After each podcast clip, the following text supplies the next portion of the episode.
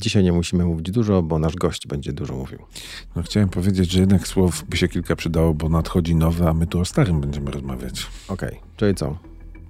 Czyli co? No, zmiany, zmiany. Jednak.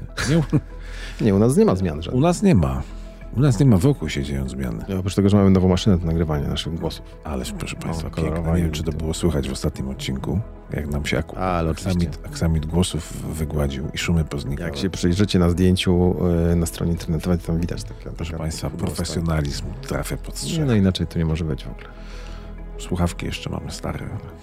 Dobra, weszliśmy w nasze tutaj błotko zawodowe. Błotko, u nas jest przynajmniej tak, że nie Ale ty miałeś co, co ja miałem? Miałeś coś ważnego do powiedzenia. Że zmiany, zmiany, zmiany, Właśnie, że idzie nowe. Jest... No. Tak? Powiem ci tak, miałem szerokiego banana na twarzy, jak zobaczyłem e, w telewizji publicznej niezamazane serduszka. I ona już jest publiczna. Ona już jest publiczna, tak. To prawda, zobaczyłem ten sam ścisk. Przepraszam, mogę powiedzieć brzydkie słowo? Tak, oczywiście. A, zresztą, co to za brzydkie słowo? Ten sam ścisk dupy zobaczyłem jak zwykle, który przez ostatnie 8 lat był w TVP, zobaczyłem w pewnej telewizji na R. No jest powszechny był, a teraz jest taki mniej powszechny. Ale no jakim doskwiera to? Niszowy trochę jest ten Powiedzmy, że tam hemoroidy doskwiera. A, to, to nie e, Zobacz, byli policjanci, byli politycy, byli e, strażacy, byli żołnierze. No po prostu, proszę Państwa, o, ostatnie 8 lat się nie wydarzyło. No tak miał być, znowu rekord. Znowu, chyba jeszcze nie bo jeszcze będą liczyć. Wiemy tylko tyle, że rekord zebraliśmy więcej niż w zeszłym roku po jednym dniu, tak. A później y, ile było w zeszłym roku ostatecznie? 240? Tego nie pamiętam. suma z dwójką z przodu. Ale na pewno było tak, że im większy był ten ścisk dupy, tym więcej pieniędzy. Czyli źle dla orkiestry. Ale może to jednak się Ale przestanie sprawdzać. Dobra, coś w tym polskim podejściu jest, że jak władza nam gra na nosie, to my jej tym bardziej pokazujemy taki gest Kozakiewicza, a nie kogoś innego. I ten gest jest wyjątkowo fajny. Chociaż tym razem drugi raz zabraliśmy pieniądze. Władza się zgadza jednak z, z, z, narodem. Naród z władzą. Naród z władzą. To nawet lepsze. Dobrze. Jingle. Tak? Tak. Tak. Dziękuję bardzo za zgodę.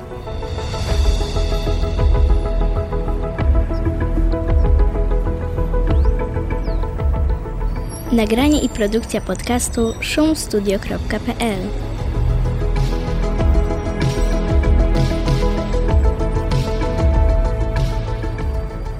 To o czym dzisiaj? O czym dzisiaj? No wiadomo o czym. Ostatni podcast w tym miesiącu, co oznacza, że bardzo dużo słów, co oznacza, że... Adam Biernacki. Adam Biernacki. Tak, Adam Biernacki. I wiesz, który to odcinek? Z Adamem Biernackim? No. no. Czwarty albo piąty? Nie, szósty. Szósty? Szósty odcinek spaceru po Poznaniu z Adamem Biernackim. Czyli Dzisiaj... przedstaw go dla tych, którzy słysza, słyszą nas pierwszy raz. Wszyscy wiedzą, Wszyscy. że Adam Biernacki jest... Y no, mogę chyba tak powiedzieć, już dzięki naszemu podcastowi najsławniejszym przewodnikiem po Poznaniu. E, a co ważne, Adam Biernacki należy do koła PTTK imienia Marcelego Mottego, co bardzo trzeba podkreślać. I nieustająco ma dużo do powiedzenia o Poznaniu. Tak, e, bardzo dużo ma do powiedzenia. Dzisiaj odezwałem się sześć razy, a nie dwa, tak jak zwykle. E, to chory był, czy co? Wiesz co, zahaczaliśmy trochę o II wojnę światową, a ja zawsze lubiłem historię II wojny światowej i tam jednak coś miałem do powiedzenia. na ten temat. Tak. Ale dzisiaj e, jest dosyć dramatyczny odcinek, z dramatycznymi opowieściami, z morzem ognia, ze zwrotami akcji i taki e, trzymający w napięciu. No to co będziemy dalej się rozmawiać? Nie, nie, nie, koniec już gadania. Dobrze. Panie Damie, proszę, niech pan czyni swoją powinność. Ten Sylwester w bazarze nam się trochę przedłużył. Fajnie było, tośmy sobie dłużej posiedzieli, bo o, to jest takie... fajnie było, bazar to bazar. Bazar to jest bazar, bazar to jest klasa, ale my mamy ten przywilej, że my się możemy przemieszczać w ciągu epoki, jak nam się podoba. No co, ruszamy? Ruszamy, no to wio. Yy jesteśmy w bazarze i myśmy sobie wybrali taki fajny bal, bo teraz jest czas, kiedy się bale urządza. O, karnawał. E, karnawał. E, w Poznaniu, w poznańskim bazarze od lat 30., tam się mówi, że od 1835 e, roku tak mniej więcej zaczęto urządzać bale, bo tam ruszyło kasyno polskie. Taka ciekawostka, bo zawsze to jest jakiś taki element niepewności, to powstają ogniska polskie, kasyna polskie. Niby to takie polskie miasto Poznań, ale powstało ognisko polskości w polskim takim mieście. No ale tak było. I zaczęto organizować bale, tak? Takie typowo polskie bale, takie na patriotycznym podkładzie. Kiedy one były robione, one niekoniecznie musiały być robione w epoce, kiedy był karnawał, byleby nie były w tych czasach zakazanych, czyli na przykład Wielki Post, Post albo gdzieś no okolice, tak. prawda, nie wiem, wszystkich świętych. Na przykład, jeżeli jakaś korporacja studencka chciała sobie zebrać pieniądze na coś, to też mogła w jakimś innym terminie bal urządzić, no, ale przeważnie karnawał. No i jest taki szczególny moment, rok 1848, kiedy jest bardzo szczególny bal. Co ciekawe, ja nigdzie nie mogłem znaleźć konkretnej daty dziennej, ale wszyscy mówią 1848 rok. Yy, Walenty Stefański, człowiek ikona, zaprasza na bal, do bazaru, na szlachecki bal chłopów z Wildy, i zwiniar. Bal chłopów. Na, no nie, bal był szlachecki jak najbardziej, bal ale szlachecki.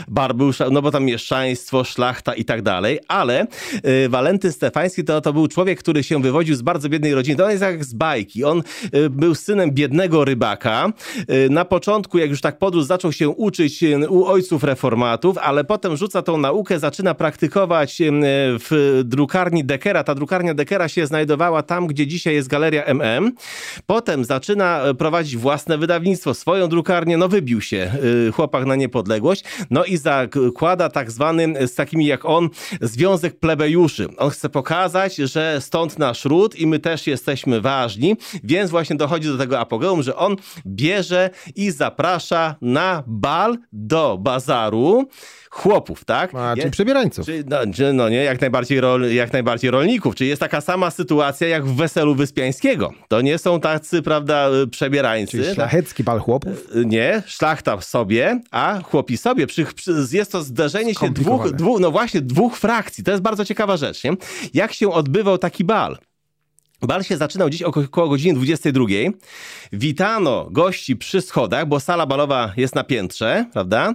No i wręczano paniom, to jest ciekawostka, pierwszy zgrzyt, wręczają paniom dwie rzeczy. Panie dostawały róże do ręki, no i każda pani się cieszy, jak dostanie róże. To jest, to jest, to jest ten mniejszy, prawda, to mniejsze, co trzeba przejść, ale pani dostawała do ręki również karnecik ze wstążeczką. Ta wstążeczka była po to, żeby sobie ją przy, ten karnecik przyczepić do nadgarstka, najczęściej lewego, tak? no bo przeważnie ludzie byli praworęczni, żeby w tym karneciku zapisywać sobie kolejne tańce. I tutaj był problem, dlatego że trzeba było być piśmiennym, a mamy rok 1848 i u Włościan z tym mogło być różnie, prawda?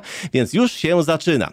Wchodzi się na górę, no i zaczyna się pierwszy taniec, to jest yy, polonez. Zaczynało się to polonezem, więc pewnie wszystko jeszcze było na sztywno, bo wszyscy jeszcze byli przede wszystkim trzeźwi. Nierozgrzani. Nierozgrzani, no chyba, że tam ktoś się y, rozgrzał yy, przed, przed, przed przed wejściem, żeby... A było się, gdzie? Żeby, no było no tak, dookoła to na pewno.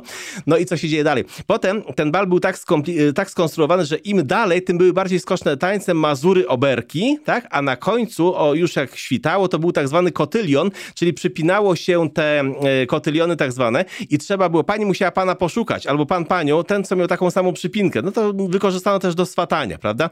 I prawdopodobnie na tym etapie, kiedy były te mazury i oberki, yy, prawda, włości włościanie, prawda, rolnicy przejmują imprezę. I to robią to z takim impetem, że szlachta wymienka. To jest tak jak na weselu Wyspiańskiego właśnie, że, że w pewnym momencie jest to, oni się kompletnie nie rozumieją. Tam na, Wes, Wyspiański pisze o tym, jak to jeden pyta, jak to jest to pytanie, czyś ta już coś posiali, a wesele ma miejsce w listopadzie, prawda? Y, Lucjana Rydla. I tutaj są podobne te. I raptem szlachta co zaczyna? Nie wie, co zrobić i zaczyna się ulatniać po angielsku. I jedną z pierwszych y, osób, które się ulotniły po angielsku była była Emilia Strzaniecka podobno, która no, była do rany ją przykładać. Dobra, mądra, kochana, uczciwa, piękna i tak dalej. Sieroty przygarniała, chłopów leczyła i powstańcy i tak dalej, ale też pamiętała skąd jej ród i ona na to nie poszła. No jak to musiało wyglądać, no to ciekawe, no bo tych nośników ekologicznych energii pewnie już tam e, trochę spożyto i około jednego promila już było, tam gdzieś yy, północ i okolice, tak? No i się zaczęła, zaczęła się zabawa. Zaczęła się zabawa.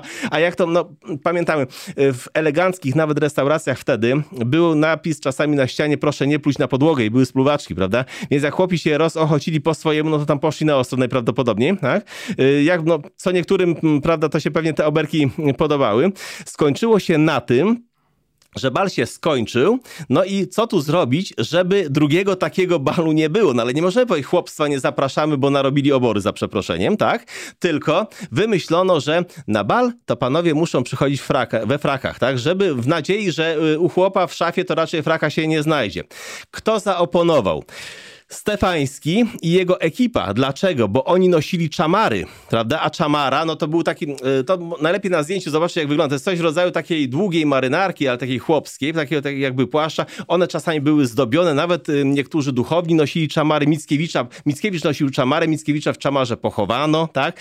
A e, właśnie Stefański to był taki, że on chodził w czamarze z kijem w ręku zamiast laski, jakieś chłopskie kapelusze nosił i tak dalej, i tak dalej. No chyba poskutkowało, bo się więcej taki bal nie odbył, ale no, co, do tej pory się go pamięta i on jest opisywany, prawda? Chłopi chcieli, Chłopi, szlachta nie chciała. A szlachta nie chciała i ulotiło się po angielsku i to nawet dobrze pasowało, dlatego że bazar był wzorowany na, na hotelach angielskich. Nawet się y, no, niedoszły teść y, Pawła Strzeleckiego, hrabia Turno zachwycał, że woskowane podłogi, że meble mahoniowe i tak dalej, i tak dalej. Taki bal nie był tani. Ja jestem ciekaw, kto za to zapłacił, bo bilet kosztował 5 zł. A za taki bilet, za takie 5 zł można było w dobrej restauracji pięć golonek z piwem kupić, więc no to, to nie było takie w kij dmuchał, prawda?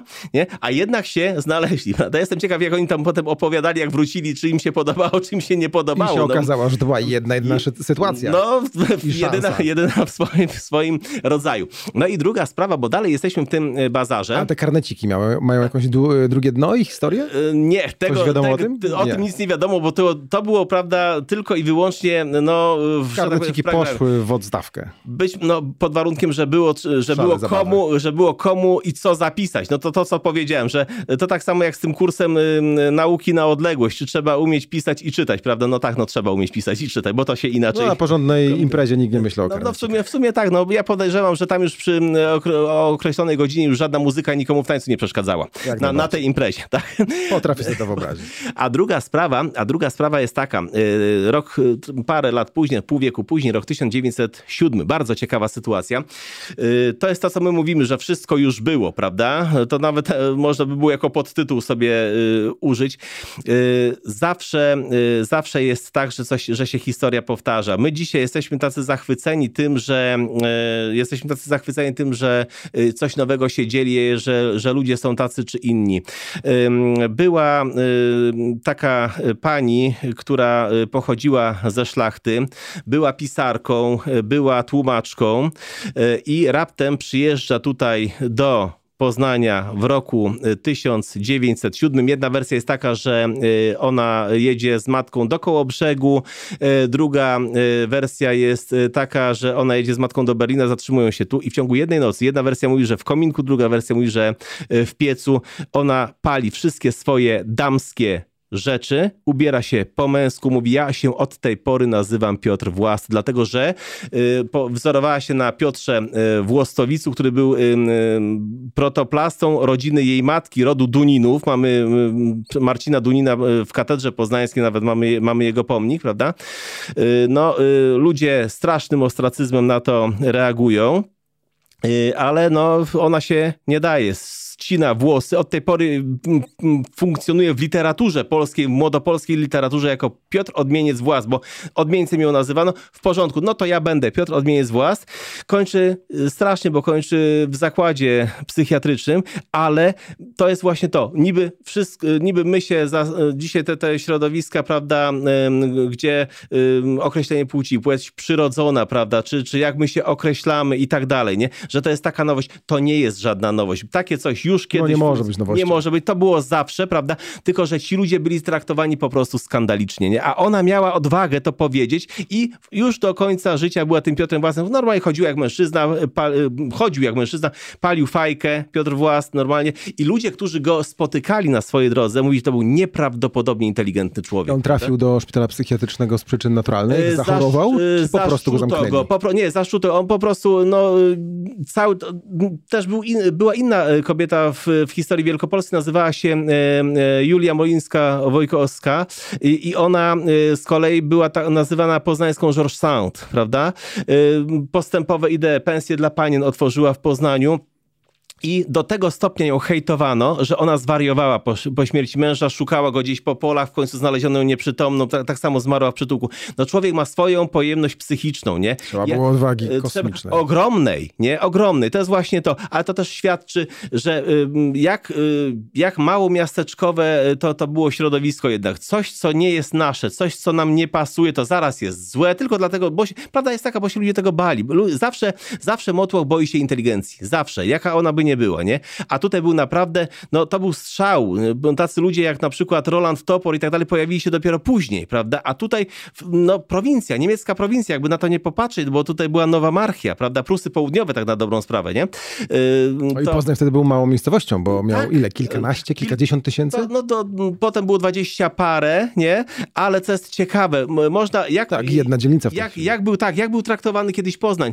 Jak przyjeżdżali urzędnicy niemieccy do Poznania, to mieli dodatek płacony, bo tutaj nikt nie chciał przyjeżdżać. Tu przyjeżdżali ci gorsi. E, ci, którzy tutaj obejmowali jakieś stanowiska w Niemczech, byli tych takich prawdziwych Niemczech, w Berlinie, w Dreźnie, traktowani, ich nazywano y, takimi y, leniwymi synkami, nie? Bo się nie uczył i tak dalej. A tutaj dostawali robotę i dostawali jeszcze lepszą y, wypłatę, żeby tylko chcieli być. Tak samo wojsko tutaj nie chciało przyjeżdżać z dobrej woli niemieckie, czy nauczyciele i tak dalej, i tak dalej, nie? No taka była, taka była relacja, no bo tutaj było no, kiepsko, jeżeli chodzi. Ludzie, którzy byli, ba, mieli bardziej otwarte umysły, wyjeżdżali stąd. Taka jest prawda. Nie? Tak, tak, tak, tak to należy ująć. Nie? E, więc jesteśmy tu, skoczymy sobie teraz na, na tą naszą cytadelę, bo myśmy tam e, się zatrzymali. Zahaczyliśmy kawałek. Zahaczyliśmy. Tak. Mówiliśmy o Walentym Stefańskim i o Związku Plebejuszy, prawda? Kolegą Walentego Stefańskiego ze Związku Plebejuszy był taki pan z Górczyna, który się nazywał Maciej Palacz. On nie był biedny z domu, on był bogaty z domu, on był sołtysem na Górczynie. No i on zrobił taki numer, że w roku 1846, pamiętamy, miało wybuchnąć to takie zintegrowane, zsynchronizowane powstanie w trzech zaborach. No i to jest tak jak z każdą jedną rzeczą, jak jest synchronizacja, ona przeważnie zawodzi. Jeszcze się zdarzył ktoś, kto zakapował, więc zamknięto kilku przywódców powstania, kilku ludzi, gdzie na, na Cytadeli, czyli w forcie Winiary, prawda? My w tej chwili stoimy na tym takim wybrzuszeniu na południowej części, tam jak, jak, droga zakręca. Jak się patrzy na stare mapy, stare zdjęcia, tam był tak zwany Kernwerk, prawda, czy ten śródszaniec, potężnie umocniony i tak dalej. Y, na wieść to o tym... w którym miejscu teraz dzisiejszego to Poznania? Jest, jakbyśmy, to jest Cytadela. Cytadela ma kształt wycinka koła zębatego. A, okay, I, ten, tak. I ten dół, ten dół taki mhm. zaokrąglony, to teraz tam nie ma śladu po tym, prawda, ale tam był tak zwany Kernwerk. Kernwerk, czyli tam były takie trójpoziomowe koszary, były dwie potężne potężne wieże y, z platformami artyleryjskimi. Tam były mosty, jeden był dla piechoty, drugi był dla artylerii. To zdobyć to było po prostu niemożliwe, a to była tylko część, prawda? I on zbiera, palacz zbiera 20 ludzi, uzbraja ich w kosy kute na sztorc i oni się czają, czekają na sygnał na atak na co? Na Kernberg, prawda? No to jest, to jest 20 bardzo... osób. To, to, czy tam 20 parę. To, ten rząd wielkości z kosami na sztorc, prawda? Na coś takiego. Oni by przez bramę by nie przeszli. A, a, a co dopiero tego? No ale jakież to romantyczne. Oczywiście rozkaz nie pada, oni się wycofują, ale co jest ciekawe, kosynierzy. My, ko, my ym, kojarzymy kosyniera z kościuszką, prawda? Bo to jest taki... Y, kosynierzy to byli bardzo niebezpieczni ludzie tak naprawdę. Do, do jakiego momentu? Do momentu wynalezienia amunicji zespolonej w karabinie, prawda? No bo jak y, dawniej strzelano, to co? Trzeba było stopkę... O, to trwało. To, to trwało, tak. prawda? Wyciągamy y, ten patron, odgryzamy ten papierek, wsypujemy, y, wsypujemy proch, y, potem papierek jako przybitkę, znowu kulę, ubijamy stemplem, podnosimy proch na panewkę, strzelamy i tak dalej. Jeszcze Czyli... mogło nie odpalić. I mogło nie odpalić, yy, ale albo spaliło na panewce, prawda? Na panewce. I co jest y, ciekawe, że taki żołnierz, no ile? On mógł strzelić maksymalnie dwa razy na minutę, prawda? Do, a cały czas armie się do siebie zbliżały. I w pewnym momencie, na przykład w armii niemieckiej, padał ten rozkaz bajonet auf, prawda? I zakładano bagnety, ale jakie były bagnety wtedy? wtedy? To były bagnety tulejowe, czyli nie było tych nożowych takich jak do Mauserów, tylko te takie długie. Yy, wojska carskie też takie miały co i dlaczego, mm, dlaczego tak... Szpikulce. Tak, tak, dokładnie tak, bo tak to wyglądało. Y, do czego y, ja zmierzam? Chodzi po prostu o to, że kosynier cała długość kosy była znacznie dłuższa niż całkowita długość karabinu z bagnetem. Czyli żołnierz z karabinem nie miał po prostu szans. I to nie jest prawda, że takie zwykłe kosy przekuwano na sztorc, takie jak my dzisiaj możemy sobie gdzieś tam w sklepie kupić, ona jest za miękka. Kowal wykonywał taką kosę na zamówienie, jeszcze wklepywał tam na końcu, mógł jakiś szpikulec na przykład, albo hak, żeby można było kawalerzystę z konia ściągnąć i siła tego uderzenia była taka, że jeżeli ktoś nie miał y, na jakiegoś hełmu, jakiegoś kirysa na głowie, to chłop był w stanie, taki krzepki facet był w stanie przeciąć takiego żołnierza od czubka głowy do pasa, albo go machnąć w poprzek pasa, tak że tylko kręgosłup trzymał yy, to wszystko w kupie. Tak niebezpieczni byli kosynierzy. Nie? Dlatego my mamy w, w, Poznaniu wiadukt kosynierów górczyńskich, bo oni byli z Górczyna. I teraz pytanie jest takie, to w takim razie, kiedy ostatni raz użyto kosynierów w boju? To jest wrzesień 1939 roku w Gdyni. Stawiają się kosynierzy, bo nie mają czym walczyć prawda? A skąd oni się wzięli? No właśnie, zebrali się, bo to PPS, y, Polska Partia Socjalistyczna zebrała ludzi, prawda? Przyszli z kosami na sztorc, nawet są na zdjęciach. A skąd te kosy wzięli? Zrobili sobie. Zrobili. tak, to, to były samoróby i oni zostali raz y, czy dwa użyci w boju. Wiadomo, że trzech zginęło, ośmiu zostało rannych, ale do następnej walki poszli ze zdobyczną bronią już, bo sobie wywalczyli tą broń. I dlatego w niektórych miastach w Polsce są czy ulice, czy ronda kosynierów gdyńskich. Właśnie 1939 rok. Czyli ta broń się jednak sprawdzała, aż można powiedzieć do nam, do czasów nam współczesnych. Trochę z konieczności. Trochę z konieczności, no ale jednak, nie? I to była, no jeżeli ktoś walczy w amoku, prawda, nie? No to jest niesamowita rzecz, no bo to... to no w mieście na bliskie dystanse. Tak, tak, dokładnie, nie?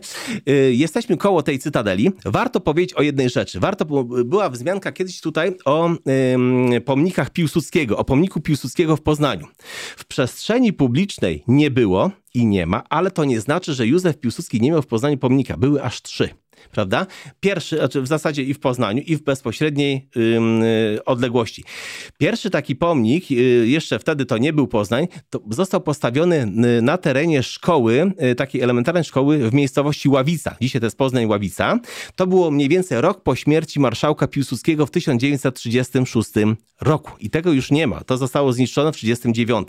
Drugi był postawiony na Kernwerku, prawda, na forcie Winiary, y, czyli tutaj, gdzie my jesteśmy właśnie w tej chwili niedaleko, y, on był y, ustawiony w roku bodajże 1930, czyli mamy klasyczny przykład kultu jednostki, za życia się stawia pomniki komuś. On nie był wysoki, cokół miał jakieś mniej więcej 2,5 metra wysokości i było po piersie Piłsudskiego, czyli było oddawanie czci i tak dalej. No dzisiaj, a czy dzisiaj jakbyśmy się rozejrzeli, to nie ma kultu jednostki? Tu o, i tam. No Jeszcze... właśnie chciałem o tym powiedzieć, że tutaj znowu wracamy do punktu I znowu wyjścia. właśnie wszystko już było. Wszystko już I było. wszystko już było, tak? I ten, e, i ten e, pomnik też został zniszczony. I wreszcie niespodzianka.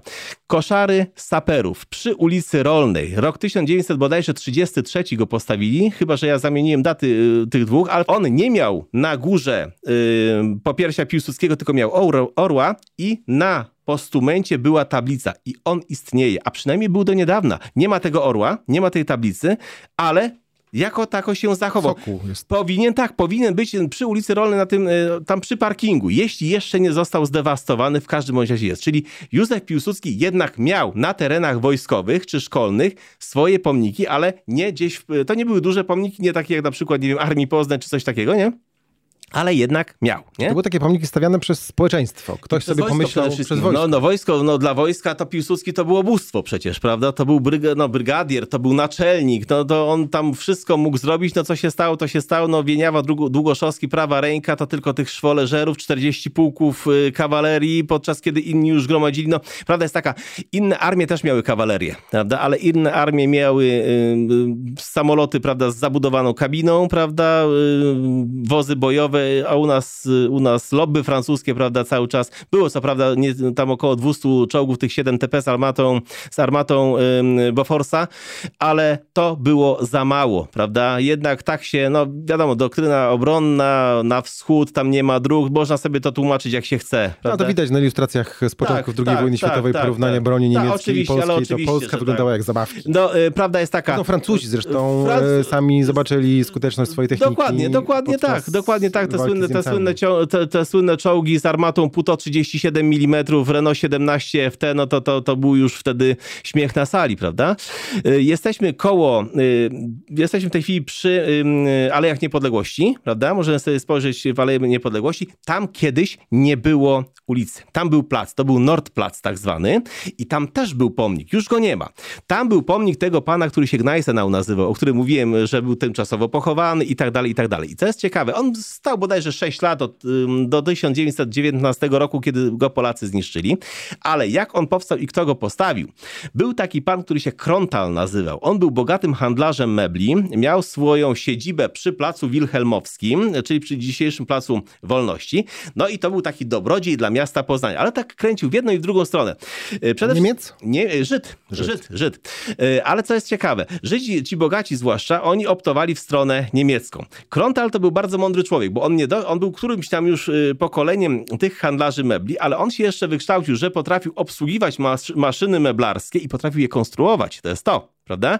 I na przykład y, finansował ogród zoologiczny w Poznaniu. Sfinansował tą studzienkę, czy tam fontannę Krontala, która jest w połowie Alei Marcinkowskiego do tej pory. Ufundował taką stację meteo niedużą i tak dalej. Pisał bardzo dużo o historii, na przykład podważał y, tego orła, który jest na y, ratuszu poznańskim, że on nie może być polski, bo on nie ma tego języka wysuniętego, ani berła, ani coś tam, i te skrzydła i tak dalej. On by się mocno zdziwił, gdyby wiedział, co jest w środku, bo ten orzeł jest w środku pusty, on jest blaszany, prawda? On ma 1,80 m chyba wysokości, 2 metry rozpiętości tej skrzydeł, a tam są w środku same kapsuły czasu. Z polskimi dokumentami, gazetami, medalami i tak dalej. Także tutaj się chłopak trochę przejechał, nie? No ale generalnie był dobry człowiek, ale mówię, Panu Bogu świeczkę i diabłu ogarek i ten pomnik tego pana Gneisenau, prawda, wybitnego oficera, którego za, no, uważano za bóstwo kolei w Niemczech, postawił, optował za tym, ufundował to i tak dalej. Nie? On troszeczkę smutno skończył, dlatego że e, kiedy przychodzi ta wielki, e, ten wielki krach, e, ta, ta, ta superinflacja, on traci większość swoich pieniędzy, wyjeżdża do Berlina, tam mieszka w przytułku, ale szczęśliwie omija go, omija go te wydarzenia Nocy Kryształowej. On wtedy nie zginął, nic mu się nie stało, pamiętamy, że no, skąd się wzięła nazwa Noc Kryształowa, niszczono na potęgę witryny sklepów żydowskich i w tym świetle tych latarni latarni, ta pokruszone szkło, kryształy, lustra, to lśniło tak upiornie. 91 osób wtedy ponad y, nawet zginęło. Jemu się udało i nawet też y, nie, y, nie dojechał, nie, nie aresztowano go do obozu koncentracyjnego. On chyba zmarł w 1941 roku, prawda? Smutna historia, a naprawdę to był gość taki nieprzeciętny, o którym, o którym warto wspomnieć, prawda? Jesteśmy dalej, idziemy w kierunku Garbar, się przesuwamy i musimy powiedzieć bardzo ważną jedną rzecz, mianowicie taką, że niedługo będzie rocznica rocznica, będziemy mieli marzec, jest cmentarz, nieduży cmentarz, taki cały biały, to jest cmentarz wspólnoty brytyjskiej, założony w roku 1925.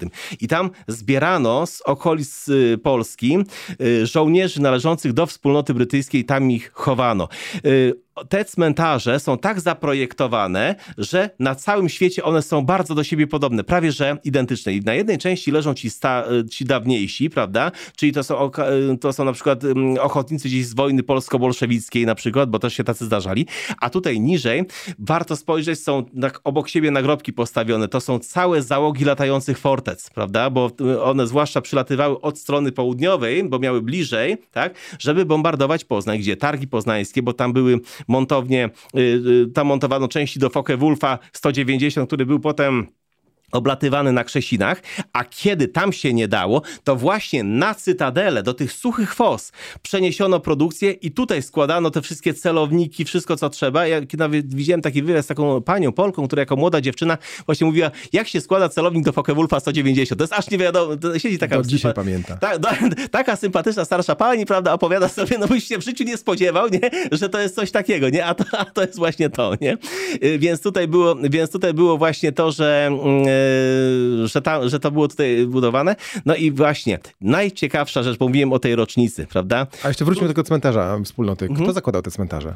British Commonwealth prawda? I oni właśnie... Czyli rząd. Tak, czyli tak, to jest taka wspólnota brytyjska, taka specjalna organizacja, bo Brytyjczycy y, y, zbierają swoich, a Amerykanie do tej pory szukają swoich żołnierzy, na przykład na Podkarpaciu u nas, bo tam bardzo często jak wracały te bombowce na resztkach paliwa, prawda, to tam je nocne myśliwce niemieckie, do tak, do Włoch, prawda, na, w basan Morza Śródziemnego, y, tam one na Maltę na przykład, nie, to też, też się wiąże, no, ten, ten słynny cyrk Skalskiego z tym, pamiętamy, nie? I one tam czasami spadały, gdzieś okolice Częstochowy, okolice Katowic na przykład, bo w okolicach Katowic z kolei też były bombardowane z kolei na przykład zakłady produkujące benzynę syntetyczną z węgla tak? No, więc oni tutaj też, ale najciekawsze jest co?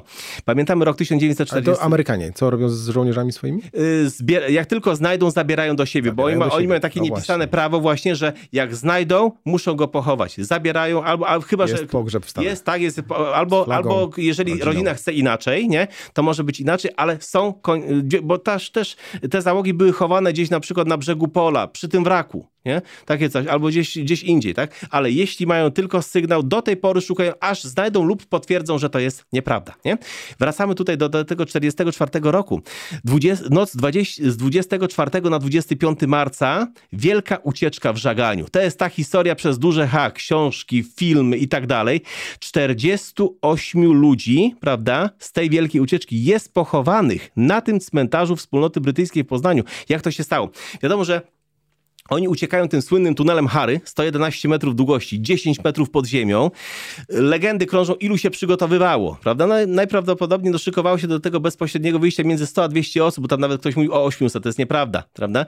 Ale wychodzi 80 na zewnątrz, troszeczkę pomyłka, bo wykopali się, znaczy był wylot przed linią lasu, więc y, strażnik z miejsca aresztuje czterech, ale reszta ucieka. 76 ucieka. Trzech, dwóch Norwegów, jeden Holender, udało się im dotrzeć na Wyspy Brytyjskie, reszta zostaje złapana. I Hitler dostaje piany, prawda? Wydaje ten słynny Befehl, żeby wszystkich ich wystrzelać, nie? Co się okazuje? 23, prawda, bo z 73, 50 zostaje rozstrzelanych, ale tych pozostałych ratuje kto? Hermann Gering. Dlaczego? Dlatego, że on był pilotem, bo Hermann Gering nie był tym taką tą kabotyńską, opasłą świnią uzależnioną od morfiny, prawda, grubasem takim. Nie, on jak, był, jak była pierwsza wojna światowa, przecież on latał w, cyr w cyrku Richthofena, on latał na Fokkerze Eindecker między innymi, prawda. On miał 22 zwycięstwa w powietrzu, to był bardzo zdolny lotnik. Potem się w czasie mm, drugiej, w czasie e, tego dwudziestolecia międzywojennego w Skandynawii był pilotem prywatnym, prawda, tak był przedstawicielem firmy, która produkowała spadochrony ochrony. Tak tą, tą swoją słynną y, żonę Karin von Kranzow poznał zresztą przy, przy tej okazji, tak, dla której Karin Hall potem wybudował. No i on ich wybronił. Ale 50 zostaje zamordowanych. Tylko dlatego, że byli lotnikami. Tak, tak, bo on miał, bo on miał ogromną, przecież on bardzo lubił Lindberga, prawda? Lindberg jak przeleciał Atlantyk, to w, dostaje y, w Niemczech najwyższe odznaczenie lotnicze, prawda? I potem jak wybucha druga wojna światowa, mówią oddaj to odznaczenie Lindbergh mówi w żadnym wypadku, nie? Inna sprawa, że Lindbergh należał do, tej, do tego stowarzyszenia, do tego ruchu American First, prawda? Który w Madison Square Garden robił te wszystkie takie wiece, że, że flagi ze swastykami wieszano. Prawdopodobnie dlatego porwano mu dziecko i zamordowano z zemsty, nie? Bo też, no mówiono, że to dla okupu, to chyba, to chyba nie było do końca tak, prawda? No ale w każdym razie Gering to był zapalony pilot, prawda? On bardzo to lubił. Miał taki sentyment, tam sobie te odznaczenia potem specjalne, jeszcze dodatkowe i tak dalej, no to, to już to już był dramat na końcu, nie? Ale no, y, prawda jest taka, tak bardzo chciał rządzić Luftwaffe, że Ernsta Udeta, który był przecież wspaniałym pilotem, on kręcił, y, był, był tak dobry, że potrafił z końcem skrzydła chusteczkę zabrać komuś z ręki, prawda? Z Leni Riefenstahl latał nad Afryką, czy, czy gdzieś indziej, kręciła, ona kręciła filmy, on to wszystko pilotował, bardzo ładnie potrafił latać, a on go zmusił praktycznie y, do, do samobójstwa, tak? No, że, że Udet był alkoholikiem, no ale się zastrzelił, prawda? No tak, takiego kwasu mu narobił. No ale wybronił, prawda? Oni mu zawdzięczają życie, taka jest prawda. Ich skremowano, to jest ciekawe, bo y, jednak się y, Niemcy obawiali Brytyjczyków, prawda, że co oni mogą, czy, czy znajdą ślady tortur, czy nie. I po II wojnie światowej 48 urn zostało przeniesionych właśnie tutaj do Poznania. Co się stało z dwoma? Y, dwie, jedna rodzina brytyjska zażądała, że oni nie chcą, żeby on był tutaj pochowany, ten ich krewny, bo tutaj jest państwo komunistyczne, więc zostanie Został pochowany y, na cmentarzu wspólnoty brytyjskiej w amerykańskiej strefie wpływów w Niemczech, w Berlinie. Natomiast y, drugi to był Norweg, którego rodzina zabrała do siebie. Niedługo będzie rocznica i będzie uroczystość, także warto się przejść. Jak będzie ładnie, jak będzie ciepło, to prawdopodobnie będzie niedziela, także to, to jest warto tego. No i idziemy sobie dalej, także no, nie, nie zapominamy o tym miejscu. Przechodzimy sobie obok, y, obok yy, stacji kolejowej i ta stacja kolejowa dzisiaj jest taka niepozorna, ale w drugim drugiej, w drugi, znaczy w dwudziestoleciu międzywojennym, tam był, miał być zrealizowany bardzo ciekawy projekt. Mianowicie tam miała być duża stacja kolejowa węzłowa, gdzie kończyłyby bieg wszystkie pociągi, które przyjeżdżałyby od wschodniej strony, prawda? I ludzie się mieli przesiadać na komunikację miejską i się rozjeżdżać do pracy. My się znowu dzisiaj fascynujemy, bo tacy jesteśmy nowocześni. Parkingi park and go, a to wszystko już było. Pamiętajmy, że przez no, dziesiątki lat ludność z okolic Poznania przyjeżdżała na rowerach na stacje kolejowe, oddawały rowery do, oddawali rowery do przechowalni, przyjeżdżali ym, pociągami i się rozjeżdżali po, do, pracy. Do, do, pracy, prawda? A my odkrywamy Amerykę, a tu wszystko już było. Co jest ciekawe y, z tym dworcem kolejowym. Taki pan, który się nazywał Władysław Czarnecki, go zaprojektował, ale nie doszło do jego budowy. Czemu? Dlatego, że się zbliżała PWK i pana Czarneckiego zaangażowano, mimo że dyrekcja kolei klepnęła mu ten projekt, żeby on wybudował ten e, dworzec kolejowy, który jest dzisiaj dworcem zachodnim do obsługi PWK. Właśnie ten os został przestawiony, prawda, z jednego toru na drugi tor, że tak można powiedzieć. Też bardzo ciekawa postać. On był z Lwowa. Był z Lwowa. W roku 1916 dostaje się do niewoli, bo był poddanym austro-węgierskim, no i wywieziony zostaje w głąb Rosji. I w, tym, w tej głębi Rosji powstaje polskie wojsko. W roku, po rewolucji październikowej, jak zaczynają bolszewicy robić zadymę w całej Rosji, no to się robi taki bałagan, że powstają różne inne armie, żeby tłuc bolszewików. Nie? I ta jego e, dywizja strzelców e, należała, do której on należał, prawda? Należała, to jest ciekawostka, do, pod dowództwo podlegała we Francji. Jak oni się ze sobą komunikowali przez te, bo to on tam gdzieś w okolicach Krasnojarska chyba nawet walczył, prawda? To to jest cudo. Oczywiście to się nie udaje. Bolszewicy wyłapali to całe towarzystwo, wysłali jeszcze dalej na Syberię. Jemu się udało przeżyć, y, wraca, bo większość zmarła, bo to już była katorga, oni ich tam zażynali, prawda, przy, przy piłowaniu lasu, ale on w 1921 roku przyjeżdża najpierw do Lwowa, potem do Poznania, no i potem tutaj został profesorem, yy, uczył architektury, tak? No a jak mowa o architekturze, no to w tym momencie mamy tą wielką yy, konstrukcję yy, tej, tej wielkiej y, fortecy, jaką był Fort Winiary, największy fort artyleryjski artyleryjski w Polsce, y, znaczy w Europie wtedy, 100 hektarów powierzchni i on miał niesamowitą rzecz, że tak powiem, doczepioną. To była ta słynna wielka tama. Ona się tutaj znajduje. Jak sobie byśmy poszli w kierunku Szelonga, to nawet nie musimy iść kawałek dalej. Widzimy tablicę, gdzie ona wychodziła. Szedł taki, taki ciąg, taki jak gdyby mur kryty, prawda? I y, potem od, on przechodził w tamę, która miała y, takie przęsła i miała 82 metry długości i przegradzała wartę. A żeby to było można było zrobić, to wartę przesunięto o 200 metrów w lewą stronę, żeby było bliżej, prawda? Y, w tym murze była brama i był most zwodzony nad suchą fosą. To jest właśnie fascynujące, że ta, ten XIX wiek, prawda, to jest coś takiego, że już są te wszystkie wynalazki, które my znamy, no może poza smartfonami, prawda, ale yy, znali i parę, i potem był już i prąd elektryczny, i, i fotografia, to wszystko, prawda? Armaty są. Tak, i, ale jednocześnie są mosty zwodzone. Niesamowita historia. O, i fortece. I fortece są takie, takie, no to potem zaczyna padać, bo my się, dla ciekawostki, my się w tej chwili poruszamy yy, w czym? W ramach twierdzy poligonalnej jeszcze, prawda? Potem twierdza poligonalna zostaje częściowo rozebrana w drugiej połowie XIX wieku i na początku XX wieku i jest ta twierdza fortowa, te 18 e, fortów, 9 głównych, 9 pośrednich. My do tej pory mamy z tego powodu pożytek, dlatego że te forty były dookoła łączone tak zwaną drogą rokardową, takim ringiem. I dzisiaj fragmenty tych dróg to są ulice w Poznaniu. Tak ładnie było skomunikowane całe miasto, że można było je y, objechać dookoła. A y, tutaj w tą stronę wybudowano właśnie tą ulicę, która E, dzisiaj się nazywa Garbary, prawda? Ale Garbary, wielkie Garbary kiedyś się kończyły wcześniej, a to była y, ulica y, Tama Garbarska się to nazywało, prawda? Czyli te, tam mniej więcej od skrzyżowania aż do tego, do tego miejsca. Po co? Bo to było to, bo to była y, droga, która była dla wojska. Musiało być całość, musiało być skomunikowane ze sobą. I właśnie do tej wielkiej tamy też to prowadziło. A po co ta tama była? A po co była ta tama? Ta tama normalnie przepuszczała wodę prawda? Ale w momencie, kiedy by wojsko zaatakowało rosyjskie, prawda, y, Poznań, to było kilka takich tam. Ta była największa. W te przestrzenie pomiędzy filarami wpuszczano takie wielkie, nazwijmy to deski, to były takie szandory, to były takie grube deski z dębowego drewna albo z liściastego, bo ono wcześniej y, lepiej się yy, uszczelnia, bo puchnie od wody, z takimi uchwytami i kiedy byśmy to zablokowali, to w tym momencie poziom wody się podnosi i wylewa. Można było zalać ładny kawałek miasta, pół miasta można było zalać, dlatego że jedna tama była tutaj, druga była na wierzbaku, tam gdzie y, teraz mniej więcej jest pomnik Armii Poznań, to nie jest dokładnie to samo, dlatego że tam jest bardzo mocno przerobiony ten teren, ale tam płynął wieżbak, który teraz płynie pod ziemią, prawda? Tam była mała tama i była tak zwana modra wieża. Tam był, jak to się nazywało, to był Fort Hake, taki mały fort.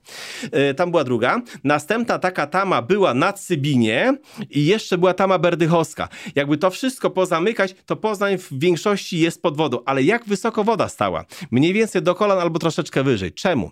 Bo jakby wojsko chciało y, to na tych najeźdźców, prawda, chciało się przemieścić łodziami, wsiadają do tej łodzi, łódź siada na dnie, prawda, bo jest płytko. A jak chcą iść na piechotę, no to niech ktoś się przekona, pójdzie sobie nad morze albo nad jezioro i spróbuje biec w wodzie po kolana, prawda? Do tej fortecy, tam nie było drzew wtedy przecież, nie? To była, oni byli jak kaczki wystawieni i po to to właśnie było. A potem wystarczyło podnieść do góry te wszystkie, e, te, te, te zapory, prawda? Te, te deski powyjmować. Woda, Woda schodzi, ale co jest ciekawe, yy, czego nie przewidziano? Że jednak warta musi być żeglowna prawda? Choćby dlatego, że te miliardy cegieł było trzeba skądś transportować, bo te cegielnie na y, Górczynie i okolicach, prawda, tam gdzie teraz są szachty, one nie wyrabiały, czy Lubuń, czy tego. Więc te cegły przywożono wartą aż z takiego miasta, które się Landsberg am Warte nazywa, to dzisiejszy Gorzów Wielkopolski. Te wioski dookoła, tam są, y, tam jest cała masa gliny, bo tam są moreny, tam były cegielnie, ładowano to wszystko, przywożono tu i taki skład budowlany, materiałów budowlanych był tutaj, gdzie się teraz mieści stara rzeźnia, prawda? Żeby Warta była żeglowna, były takie wielkie, po środku były takie wielkie wrota, nie? I co jest ciekawe, tu się pojawia y, problem podwójny, bo raz, że mamy linię kolejową, a drugi raz, że mamy tą rzekę. I jak można zaatakować taką wielką twierdzę? Linią kolejową może wjechać pociąg pancerny. Może? Oczywiście, że może, prawda? A rzeką co może przypłynąć? Musimy mieć w tyle głowy. W czasie wojny secesyjnej w Stanach Zjednoczonych wynaleziono nowy model okrętu. To był USS Monitor, prawda? Płaski, niski, ale co miał? Cały opancerzony, tak? I miał wieżę obrotową z armatami. Nie? Niesamowita historia. I od tej pory się zaczyna cała gama okrętów, które się nazywa monitorami rzecznymi, prawda? W Polsce ta słynna flotylla pińska w czasie dwudziestolecia międzywojennego, ale Rosjanie też mieli. I Rosjanie mieli na Amurze na przykład pływały, czy na Dnieprze, potężne... No, trochę szersze te rzeki. Tak, ale oni... Jakie, jaki duży był to okręt? No zanurzenie one miały nieduże, od 40 centymetrów do 150, tak mniej więcej. To jest prawie, że nic. Yy, śruby pod spodem nie było, bo przeważnie był napęd boczno-kołowy, żeby nie haczyło, tak? Ale one miały armaty nawet do 120-130 mm. Jaka to jest armata 120 mm? Dzisiaj czołgi podstawowe mają armatę właśnie o kalibrze 120 mm. Abramsy czy, czy Leopardy. Co prawda to, to, to jest już Rheinmetall, prawda? Ale y, kaliber jest kalibrem. Czyli tego się też obawiano. Co się stanie, kiedy takie coś przypłynie? A czy Rosjanie wykorzystywali coś takiego? Oczywiście, że tak. Jak były, y, były walki o Berlin w 1945 roku, to po Szprewie pływały takie kanonierki z wieżyczkami od T-34. Nie? I to się świetnie sprawdzało. Nie? Także tutaj mieli właśnie taki problem Prusacy, a nóż przypłynie, prawda? No więc były te wrota, a nóż nie wpłynie, no by, mógłby rozwalić te wrota tak samo. Jak założyli te wrota, to się okazało, że dowództwo wojskowe i inżynierowie zapomnieli o jednej ważnej rzeczy, która się działa raz do roku, czyli o zimie. I wtedy nie było takich zim jak teraz, tylko warta po prostu brała i zamarzała. Tak? Jak się ruszała kra, to ta kra zaczęła płynąć właśnie w tym miejscu i się zatrzymywała gdzie? Na tamie, prawda? Więc żołnierze mieli robotę i oskardami, kilofami zaczynali rozwalać ten lód. Jak nie dawali rady, to zakładali ładunki wybuchowe i zaczęto to wysadzać. Całość się kończy kiedy? Całość się kończy wtedy, kiedy jest już dwudziestolecie międzywojenne. Polskie wojsko przejmuje to wszystko i ta tama zostaje rozebrana tak jak znaczna część fortyfikacji, chociaż nie wszystkie, bo na przykład Fort Ron, który się znajdował koło elektrowni, tak, jeszcze jest nawet do tej pory, był też przez polskie wojsko wykorzystywany. Tak a propos, czemu on się nazywał, jeden Hake, drugi Ron, to było od wybitnych dowódców y, niemieckich, na przykład y, feldmarszałek Ron właśnie był premierem w Prusach. Jego poprzednikiem był Bismarck, potem był on i potem jego następcą też był Bismarck, nie? Także to, to nie było, nie było takie, takie byle co. Jeszcze jesteśmy przy tym wiadukcie kolejowym, bo warto powiedzieć o jeszcze bardzo ciekawej rzeczy. Mamy dwudziestolecie międzywojenne, no i co się rusza w czasie dwudziestolecia międzywojennego? Tak, niby wszystko jest spokojnie i tak dalej, i tak dalej, ale komuniści robią swoje, prawda? A Poznań to jest taki łakomy kąsek dla komunistów, bo my tutaj komunistów w Poznaniu nie lubimy, ale tu są duże środowiska fabryczne, prawda? I mieliśmy aferę szpiegowską w tym miejscu i to jeszcze jaką?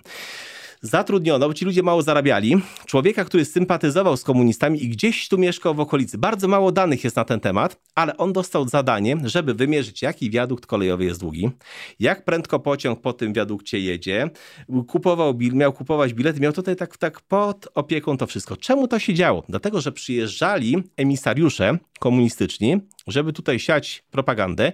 W Poznaniu nie można było, bo dobrze działała policja, zrobić drukarni, więc przywożono drukarni, y, już wydrukowane ulotki i no, trzeba było teraz y, takiego faceta przechwycić.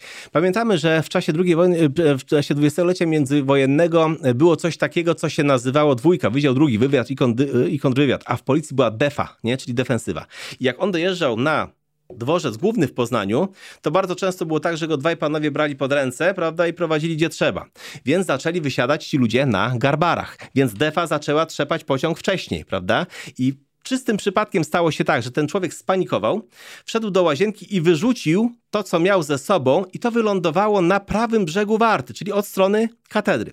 Wtedy temu człowiekowi, co tutaj prawda, operował, zlecono właśnie te wszystkie zadania, bo od tej pory ze stoperem w ręku, z zegarkiem w ręku, ten emisariusz miał wejść w jakieś miejsce, gdzie go nie było widać, najczęściej właśnie do łazienki, i wyrzucić o określonej porze to, co wiózł, a tam już czekał na niego drugi, który tą przesyłkę odbierał. To było o tyle ważne, że wynagrodzenie też przywożono, a wynagrodzenie było w złocie. I to jest to. I tutaj było ta, to, to państwo, jedni i drudzy, prawda, wywiad i konwywiad, była to, to, to starcie, prawda, wczesnej komuny, prawda, z policją no, Piłsudskiego, prawda, no przecież y, w czasie sanacji był obłęd, jeżeli chodzi, wszędzie widziano wroga, wszędzie widziano szpiega, prawda, i tam było wszystko ze wszystkim pomieszane, prawda, jak to Rosyjskiego. Rosy, no nie tylko rosyjskiego. Niemieckiego no bo też. Niemieckiego też, no przecież y, Piłsudski było dwóch ludzi, Piłsudski i Sosnkowski. Jeden był szpiegiem i drugi był szpiegiem, prawda? Jak profesor Garlicki napisał e, biografię Piłsudskiego, tą taką potężną, to tam na samym początku jest zdanie w Instytucie Pamięci Narodowej bohater tej książki nie miałby żadnych szans. I jest wyliczona cała lista grzechów Piłsudskiego pod tym względem właśnie, nie?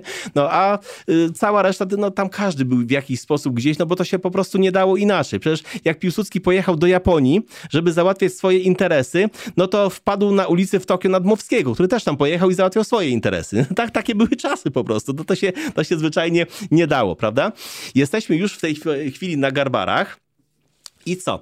Skąd się wzięły te garbary, to wiemy, że one były potrzebne, ale czy na jakiej one są na jakim one są poziomie względem całej reszty, względem tego, co było kiedyś. Po prawej stronie, bo ustawimy się teraz w kierunku do, do y, rynku, to po prawej stronie były tak zwane grochowe łąki. Jest ulica Grochowe Łąki. To jest spolszczenie. One nie były grochowe, tylko one były groffowe, bo Jan Grof, Niemiec, który miał kamienicę przy rynku, przez pewien czas był właścicielem, prawda? Przez pewien czas, bo cały czas to przechodziło z rąk do rąk, bo one były podłej jakości. To były górki, dolinki, górki, dolinki, to było podmokłe, wręcz no, ani tam siana z tego zbierać, ani nic, prawda?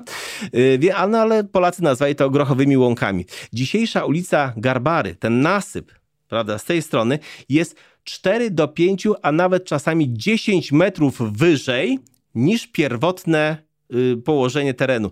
Bardzo dobra robota inżynieryjna, że to nie wsiąkło i tak dalej. I tutaj jest taka zagadka, dlatego że po prawej stronie mamy starą rzeźnię, ale zanim powstała stara rzeźnia, to te łąki były y, jeszcze tak odsłonięte.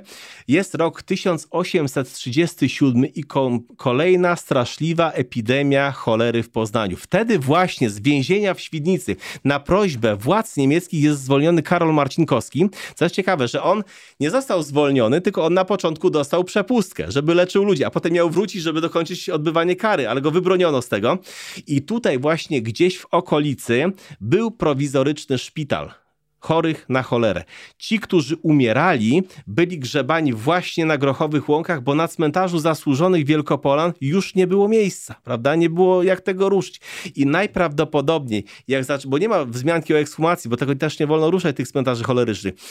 Jak była to było to wszystko yy, yy, nawożone. Oni chyba do tej pory tam leżą, pod tymi wszystkimi zabudowaniami i tak dalej, i tak dalej, prawda? Także nie ma, nie ma takiej opcji. Ciekawe skąd się brała cholera w Poznaniu, prawda? Przeważnie mieliśmy swoją własną, wyhodowaną, bo woda w Poznaniu nigdy nie była najlepsza, ale były dwie, dwa takie przypadki. Raz jak jest doprowadzona kolej stargardzka do Poznania, prawda, od strony właśnie Stargardu, yy, przyjechała wycieczka, i wszyscy wiedzieli, że na Pomorzu szaleje cholera, a w Poznaniu jej nie było. Mimo wszystko wycieczka z Poznania jedzie sobie do Stargardu, prawda? Na drugi dzień wraca i jedna z pań już jest chora i zaraża. Innym razem było tak, że przypłynęli flisacy sobie wartą, tak? Z okolic bodajże e, Wągrowca, czy jakoś tak, z, tam, z, tamtych, z tamtych rejonów oni pochodzili. Tam była wtedy siedlisko cholery i oni sobie przenocowali w gospodzie w centrum Poznania i zaczęło się od tego. Wystarczyło. I wystarczyło, takie coś. No. Także w ogóle jak, jak leczono cholerę? To jest ciekawostka. Wiedziano, że coś tam jest nie w porządku, prawda, z tym wszystkim, ale kazano sobie, no bo przy cholerze jest biegunka na przykład, więc ogrzewać sobie dolną część brzucha, napić się, no to jest jest takie w sumie mm, całkiem sympatyczne, dobrej wódki z rana. To też, y, te, no ale tak naprawdę nie wiedziano, co z tym fantem robić. I y, my sobie wyobrażamy, że to była taka jedność w narodzie, kiedy była cholera w Poznaniu. Nic bardziej mylnego. Jak ludzie umierali, zdarzały się plądrowania mieszkań, prawda? Y, te pogrzeby były po 22 już było ciemno. Le jechał powoli wóz pełen trupów, z przodu szedł człowiek z latarnią. Jeszcze w międzyczasie tam chodzili ci lekarze z tymi takimi maskami, bo to nie jest wymysł, że, że były te maski takie. Dzioby takie. Tak, bo tam w środku były, były szmaty najczęściej nasączone y, octem albo jakimiś innymi y, zapachami, żeby, żeby to był taki filtr po prostu, nie? Żeby on jeszcze mógł jakoś y, funkcjonować, ten lekarz miał mm, okulary, bo podejrzewali, że to coś może być, prawda, ze śluzówkami, no i te płaszcze nasączone y, albo olej, tranem, albo czymś takim, to, to, to strasznie wyglądało, ale takie były realia, prawda, XIX wieku i to się też działo tutaj właśnie na Garbarach, nie? A w międzyczasie szaleństwo w mieście. Jak to musiało wyglądać, jest ten mm, film Upadek o ostatnich godzinach życia Adolfa Hitlera. Jedni wariują, inni wpadają w histerię, jeszcze inni piją. W Poznaniu było dokładnie to samo. To, to, to, to właśnie w ten sposób musiał... Podczas epidemii. Tak, podczas epidemii, no bo jedni już im było wszystko jedno, ten dogorywał, tamten się bał, jednego to w ogóle e, nie obchodziło. Do dzielnic, które nie były objęte y, chorobą, nie można było wejść, bo stało wojsko i miało rozkaz strzelać bez, y, bez rozkazu właśnie. Rozkaz strzelać bez rozkazu.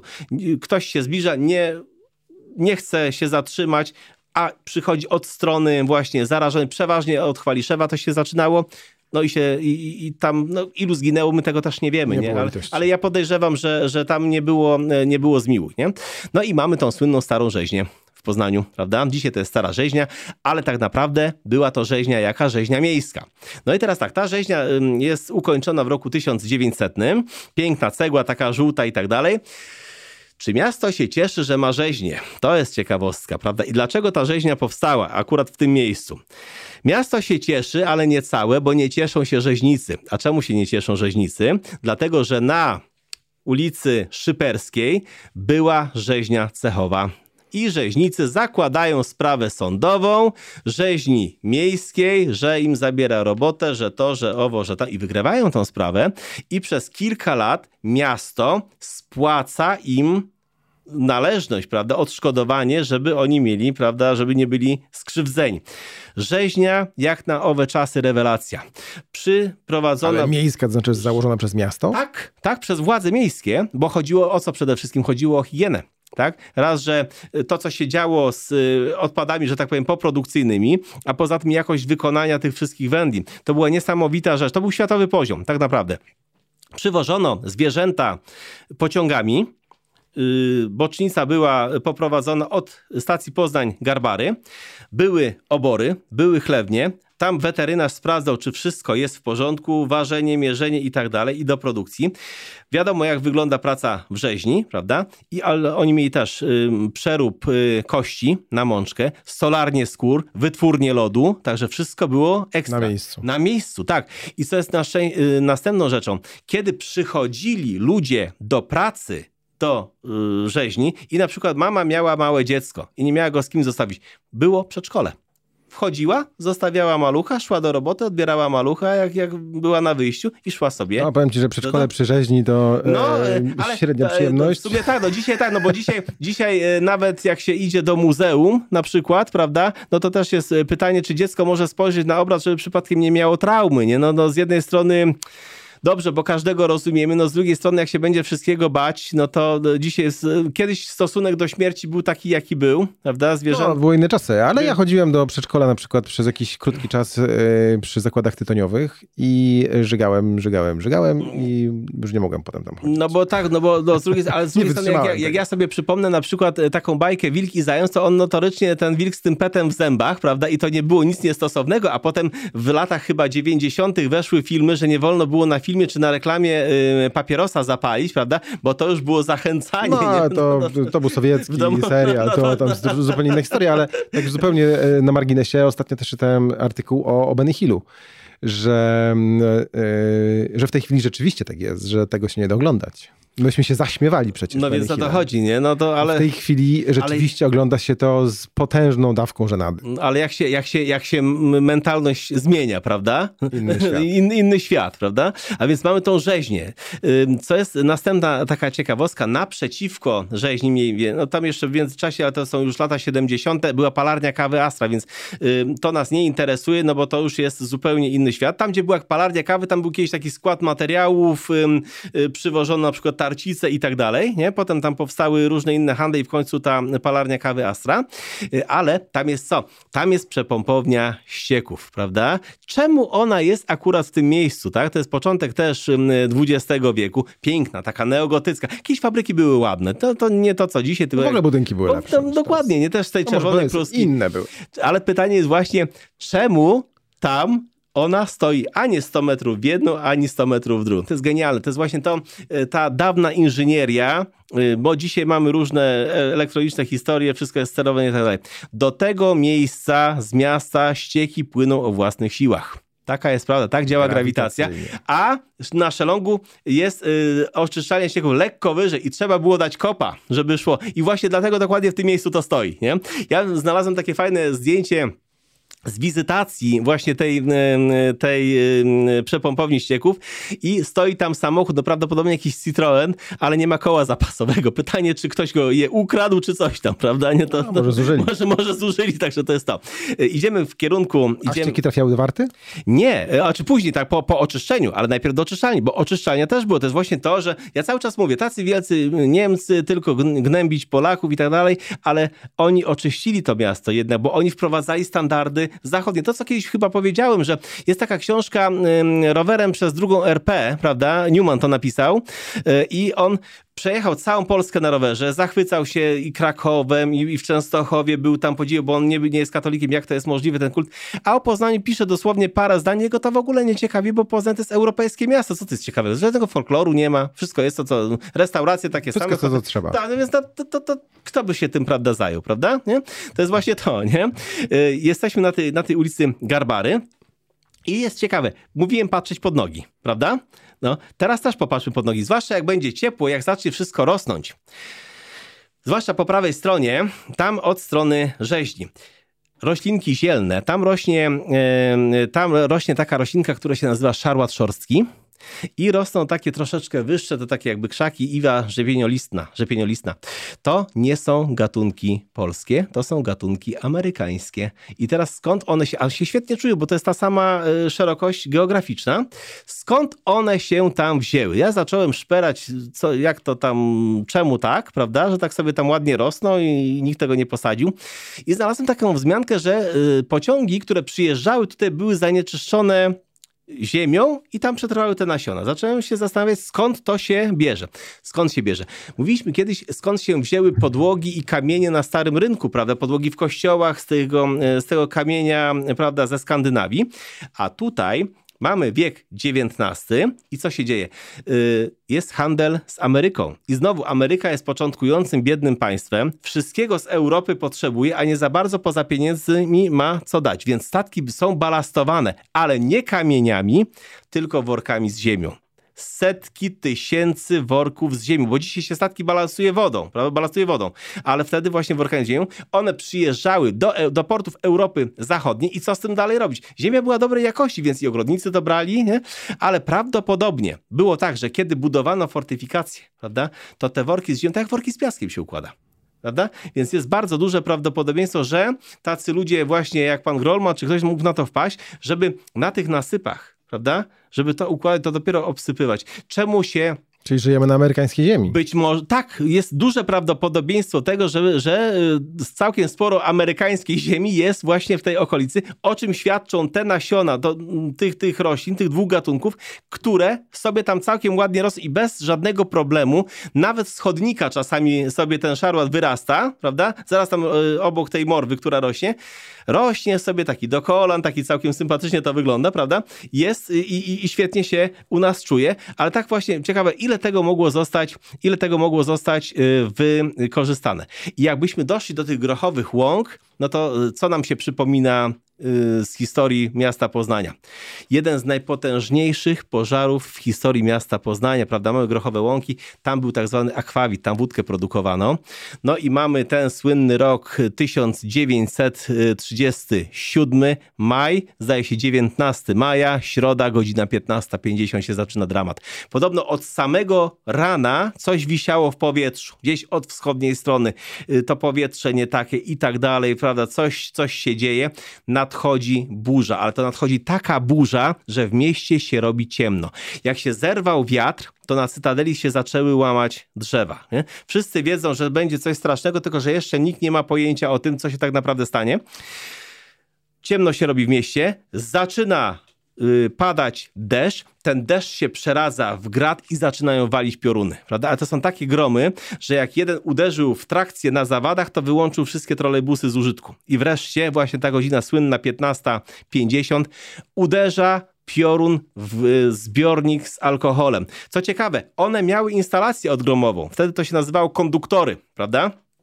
Y, I ta instalacja odgromowa była sprawdzana dosłownie parę dni wcześniej i ona była sprawna. Wszystko działało jak należy. Tylko, że siła tego pioruna była tak ogromna, że ci, którzy to widzieli na własne oczy, powiedzieli, że ten zbiornik po prostu zbielał i nastąpił wybuch. Tak potężny wybuch, że drugi zbiornik, który był obok pusty, wyleciał w powietrze, poleciał kilkanaście metrów. A w tym zbiorniku, w którym uderzyła y, ta błyskawica, było wtedy 2 miliony litrów czystego spirytusu. I to wszystko walnęło, prawda? To się wszystko zapala i to morze płonącego alkoholu, on się rozlewa wszędzie, gdzie tylko może. Zaraz obok znajduje się taka y, drukarenka, taka poligrafia, taki pan Putiatycki y, ze wspólnikami miał to znaczy to, to było jego, to się, ten alkohol płynący wlewa się do piwnicy i ci ludzie w zasadzie nie mają innego wyjścia, jak skakać przez okna i się ratować. Y, pierwsze to doznają y, urazów kończyn, a potem następne urazy są takie, bo oni muszą przeskoczyć przez płot. A płot zawiera w sobie elementy z drutu kolczastego. Na szczęście nie taki żyletkowy jak dzisiaj, tylko taki zwykły. Nie? Putiatycki z synem uciekają tak samo, wsiadają do samochodu, chcą ocalić samochód, chcą wyjechać, w samochodzie zaczynają się palić koła, prawda? Podwozie boją się, że wybuchnie zbiornik paliwa, uciekają od z tego samochodu, palą im się, im się spodnie, no ale na szczęście nikt nie ginie. W czasie tego pożaru nie zginęła ani jedna osoba. Byli oczywiście ranni, prawda? Co się dzieje dalej? Bo ten pożar trwa prawie dobę. Ten ogień rozprzestrzenia się, dociera do Starej Rzeźni. Mamy bocznicę kolejową. Przy bocznicy kolejowej są pryzmy z węgla. Ten węgiel się zaczyna palić, prawda? Yy, robi się wieczór, jest ciemno, wiatr wieje, deszcz pada, tu jest jeden wielki pożar. W tych oborach i w tych chlewach krowy ryczą, świnie... Piekło. Armagedon się robi, prawda? 80 strażaków nie daje sobie z tym rady. Kto przychodzi na pomoc? Wojsko, prawda? Wojsko z Cytadeli Polskie i ci saperzy, tylko że oni z kolei nie mają swojej straży pożarnej. Dostają szpadle, łopaty, oskardy, kilofy i zaczynają kopać rowy i takie niecki. I ten płynny ogień się w to wlewa i się gromadzi w takich jeziorach płonącego alkoholu, nie? Straszna rzecz się robi. Co się dzieje dalej? Straż pożarna już sobie daje spokój z gaszeniem tego wszystkiego, bo widzi, że i tak nie da rady, więc zaczyna schładzać następne zbiorniki z alkoholem, które się tam mieszczą, a tam jest jeszcze 8 milionów litrów spirytusu, nie? Więc jakby to wywaliło, no to pół miasta nie ma, prawda? Na szczęście to się udaje, prawda? I potem na drugi dzień, jak już to wszystko ugaszono, dogaszono, to y, zbadano, jakie było stężenie alkoholu w tych zbiornikach. Wynosiło 6%, to nikt by nawet zakrętki nie chciał powąchać, a co dopiero to pić, prawda? Ileż to się dobra zmarnowało, prawda? Przez takie coś, prawda? No, zakładów Putiatyckiego nie odbudowano. On wycenił swoje straty na milion trzysta. Y, Przeszło 3 miliony strat w samym akwawicie, no ale akwawit potem zaczął pracować, prawda? No a po, po sąsiedniej y, stronie ulicy całkowicie spokojnie funkcjonowała sobie inna firma, prawda? która w zasadzie nie ucierpiała. Y, Jeszcze jak był ten pożar, to y, o mało nie spłonął kościół świętego Wojciecha. Tam zaczęły szyby y, wypadać, y, farba się uszczyła na drzwiach, nie szło klamki złapać, więc Najświętszy Sakrament księża przenieśli do kościoła naprzeciwko. Do, do, do, y, no dzisiaj to są karmelici, prawda? A naprzeciwko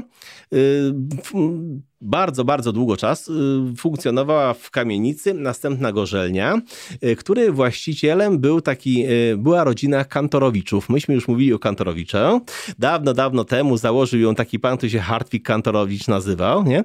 No i tutaj jakoś się nic złego nie, nie działo, prawda? Uchowali się. Uchowali, uchowali się z tym biznesem, nie?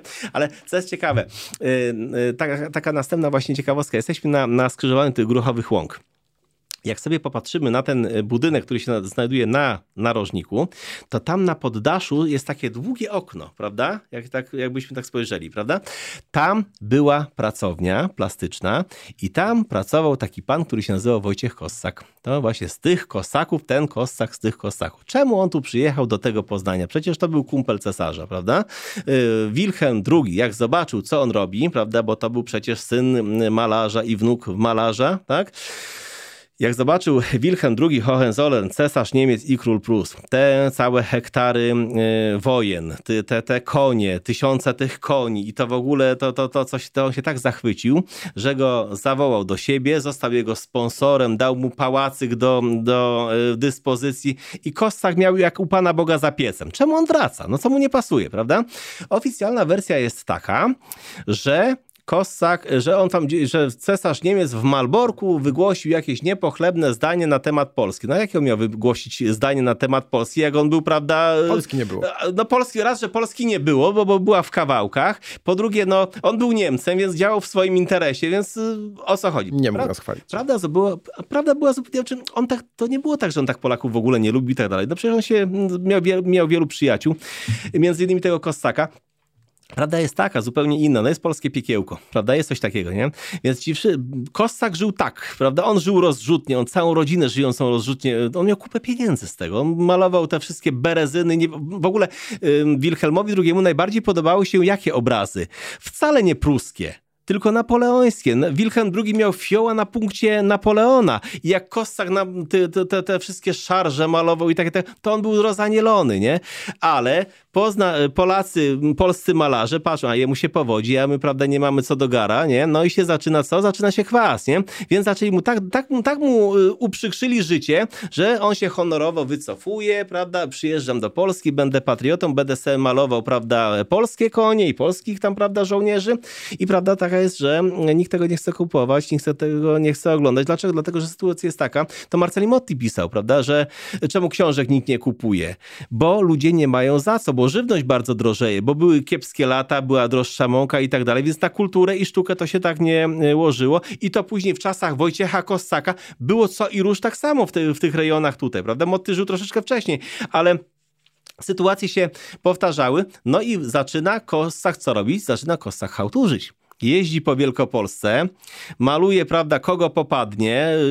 Żonę, córkę. No, w tych szlachciców i tak dalej. To jest cały czas ten schemat, jest koń i coś do konia, prawda? Jakaś tam pani hrabina, albo pani hrabina z mężem, albo mąż z panią hrabiną, prawda? Albo coś tam. I zawsze jest ten koń, prawda? Koń, była, koń wygląda najlepiej na tych zdjęciach, na, na tych obrazach najczęściej, prawda? Cała reszta, to widać, że te pociągnięcia, ja się na tym nie znam, ale ja to widzę po prostu. Te pociągnięcia pędzla są tak potwornie chaotyczne, bo to są, to, on tam kilka tysięcy obrazów namalował, prawda?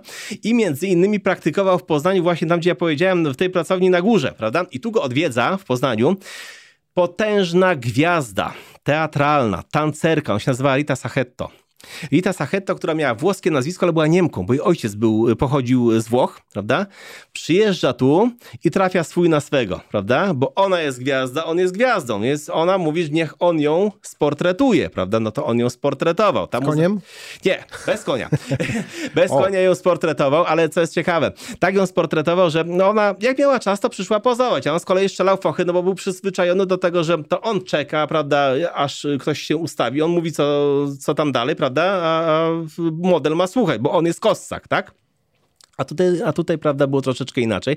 Stanęło na tym, że jak już skończył ten, jak już skończył ten portret, to co prawda było, była twarz Rity Sachetto, ale ramiona to on ma, ona ma Magdaleny Samozwaniec, bo on już, prawda, w domu poszukał kogo domalować do reszty, żeby to było mniej więcej do kompletu. Nie pasowało. Przyjechała Rita, zobaczyła ten portret, kupiła, zapłaciła, powiesiła sobie w łazience.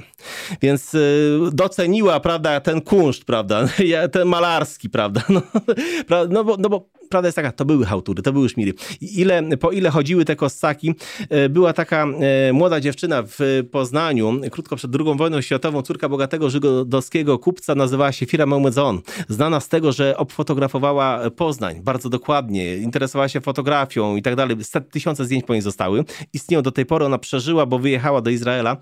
Ojciec miał do niej duże zaufanie, on przyjechała tutaj krótko przed wojną, żeby zlikwidować interes i jako mała dziewczynka szła sobie ulicą, miała kieszonkowe od taty w kieszeni, prawda? We, ach, patrzy jakiś tam lombard, wisi sobie taki ładny obrazek krakowianki, tak, a to sobie we taki dziecinny, prawda? Weszła, kupiła za te parę groszy, powiesiła sobie nad łóżkiem, dopiero potem się zorientowała, że kupiła kossaka. Nie? Tak to właśnie wyglądało z, z, tymi, z tymi kossakami, prawda? Zresztą y, potem... Y, następna, no, to już tak, takie nawiązanie nawet do, do, do naszej współczesnej historii. Niedawno y, ta pani y, umarła. Mania w rodzinie Kossaków na temat bycia Kossakiem była taka, że żona Kossaka znienawidziła swoje dzieci za to, że były dziewczynkami, prawda? Bo chciała urodzić następnego Kossaka malarza, więc przy, przymuszała te dziewuchy dwie, swoje córki, tą, i tą Glorię, i tą drugą, do malowania. Kompletnie nie miały pojęcia o tym i ta y, jedna z tych, z tych dziewczyn w końcu wkurzyła się, wyjechała do Puszczy Białowieskiej, zajęła się tym, co lubi. Dzięki temu mieliśmy profesor Simonę Kossak, prawda?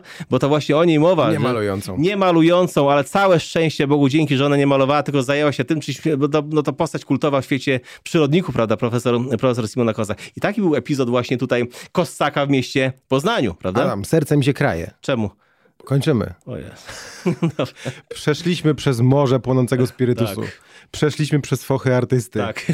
Dotarliśmy gdzie? Jesteśmy na, tej miesiąc? na wysokości, jesteśmy mniej więcej na wysokości takiego małego domku, który teraz dostał e, w zarząd Uniwersytet Artystyczny. To był kiedyś kapitanat portu, będziemy sobie o tym rozmawiali. No musimy się gdzieś zakotwiczyć, prawda? Na, na znowu. Chodzimy po knajpach, a teraz sobie pójdziemy gdzieś indziej. Pójdziemy sobie do państwa doktorostwa Wolfów, którzy mieszkali obok Biblioteki Raczyńskiej w Kamienicy.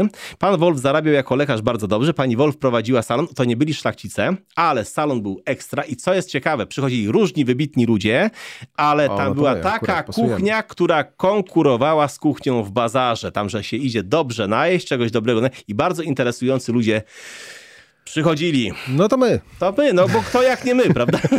Siadamy u Wolfów na miesiąc. Tak jest. Dziękuję Ci bardzo. Y, Słuchaliście przez cały czas mnie prawie wcale, jak zwykle, ale przede wszystkim słuchaliście Adama Biernackiego, czyli przewodnika po Poznaniu z koła PTTK imienia Marcelego Mottego. Do usłyszenia w lutym. Do usłyszenia.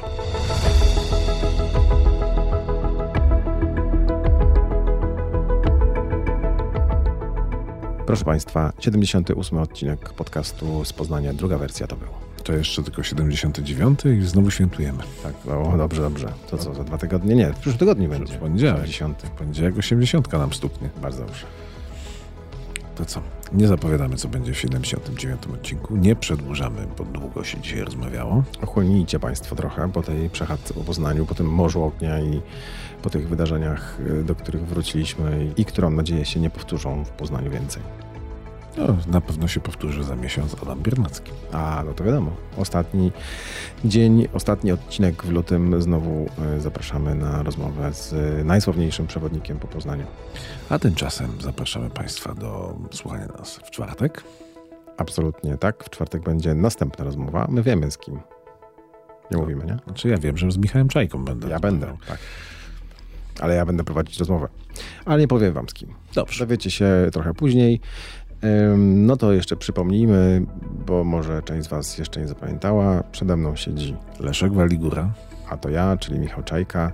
I dzisiaj Możemy już mówić. absolutnie możemy powiedzieć, że jest z nami przez cały czas duchem i nie ciałem Patronite. Zapraszamy. Adres do naszej y, strony zbiórkowej, patronajtowej znajdziecie na stronie drugawersja.pl. Znajdziecie na Facebooku. Znaczy, długo szukać nie trzeba. To najwyżej tych... E, e, poczekaj, ile my tam mamy? Najmniejsza stawka? 10 zł. 10 chyba. To rzuć sobie dychę. To może zrobimy jeszcze jedną rzecz. Zaśpiewajmy 100 lat tym, którzy y, y, dzielą się z nami swoimi pieniędzmi. Michał, ludzie powinni nagrodę dostawać za pieniądze. Dobrze. Jak ja śpiewam, to jest kara. Dobrze. Nie śpiewamy, ale jesteśmy Wam bardzo wdzięczni. Dziękujemy Wam bardzo. Czujemy y, Wasze ciepłe uczucia wobec nas przez cały czas. Z każdym miesiącem y, te uczucia na- nasze wobec Was są coraz większe i obiecujemy, że będziemy się y, wywiązywać z naszych obowiązków, które nam narzuciliście coraz lepiej. Tak, tak. Dobrze powiedziałem? Tak, brzmi dobrze, tak, tak, tak. Pan, pan, Uczymy ciąg, się. pan ciągnie ten wątek. Całe życie się będziemy uczyć, uczymy się przez cały czas. Jak to, to teraz mówimy, to się uczymy. się uczę. Jak nie nagrywamy, to się uczymy. Jak nagrywamy, to się uczymy. Jak jeździmy na nartach, to się To uczymy. się uczymy przez cały czas i będziemy się dla Was uczyć. Eee, Patronite. I co? I musimy już teraz powiedzieć Państwu do usłyszenia. No właśnie powiedziałem Patronite. Cięcie.